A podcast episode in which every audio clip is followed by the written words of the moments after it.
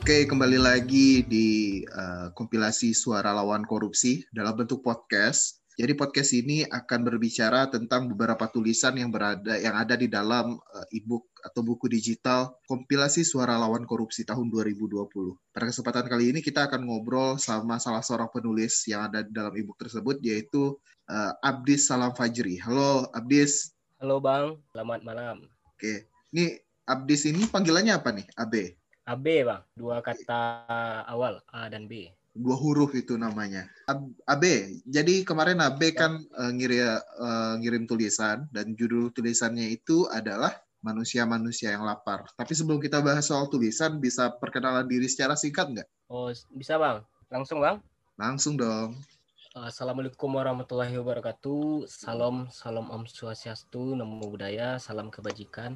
Terima kasih Bang telah menghadirkan lagi semangat anti korupsi di kala lika-liku perjalanan pegiat anti korupsi hari ini. Ya di mana pun rekan-rekan uh, pegiat anti korupsi berada, salam hangat dari saya mahasiswa menuju tahun akhir.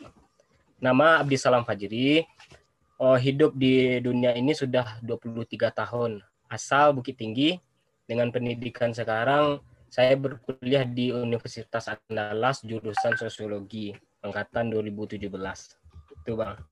Nah, itu aja. Bang kita manggil uh, eh, AB. Nih, kegiatan sekarang ngapain nih, Be? Ada ikut advokasi-advokasi gerakan anti korupsi nggak? Ah, kegiatan sekarang tuh selepas dari uh, uh, kemarin sempat ikut di UKM Hukum dan Politik tuh, Bang. Di sana tuh ada kegiatan advokasi juga berkaitan dengan uh, semangat anti korupsi dan uh, mengadvokasi mahasiswa di masyarakat uh, sekitar juga isu-isu uh, yang ter apa lah terbaru gitu terkini. Sekarang uh, tidak lagi di Kemarin Abe nulis soal artikel evaluasi gerakan anti korupsi sepanjang dua tahun 2020, judulnya itu manusia-manusia yang lapar. Boleh ceritain nggak? Nah, tulisan Abe ini. Kenapa saya mengambil judul ini? Karena uh, korupsi tidak habis-habisnya di negeri kita dengan mereka yang haus akan kepentingan dan menjadi lapar dan terus lapar. Itu uh, filosofinya Bang.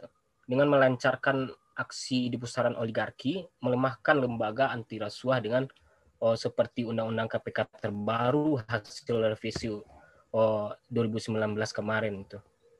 Nah, ya, dari oh, moral dari pemangku kebijakan itu lingkaran setan tuh harus dibenahi, Bang. Jadi kemarin Agar bangsa kita menjadi bangsa terdidik. Jadi uh, dalam tulisan ini Abe banyak berbicara soal oligarki dan hubungannya dengan korupsi dan ada hubungannya juga dengan bagaimana pejabat-pejabat soal dan juga orang-orang yang saat ini sedang berada di pemerintahan. Kenapa Abe mengambil angle atau sudut pandang tulisannya adalah orang-orang yang berada di lingkar kekuasaan oligarki? Dalam membahas tulisan ini? Kenapa AB Ya karena oh, saya melihat karena oh, maraknya korupsi ini kan oh, berkaitan juga dengan oh, suburnya kekuasaan oligarki ini, Bang. Tuh. Di mana pemangku kebijakan yang ada itu oh, mempunyai kepentingan juga dengan perusahaan-perusahaan yang akan di oh, uh, itunya dilakukannya di melalui kebijakan-kebijakan undang-undang yang katanya untuk rakyat sedangkan untuk segelintir kelompok saja gitu. Oke, jadi sebenarnya apa langkah taktis yang Abe tawarkan dalam tulisan ini untuk dapat memerangi korupsi dan oligarki? Kalau di tulisan ini Abe fokusnya kepada moralitas gitu. bahwa uh, agar kita menjadi bangsa yang terdidik, maka orang-orang yang akan melanjutkan estafet uh, perjuangan juga harus terdidik juga dengan moralitas yang uh, bagus tidak seperti pemangku kebijakan kita hari ini gitu.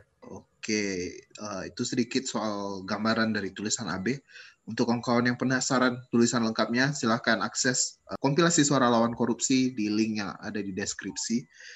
Uh, Oke, okay, B, bisa kasih apa nggak uh, harapan AB terhadap gerakan anti korupsi di Indonesia ke depannya?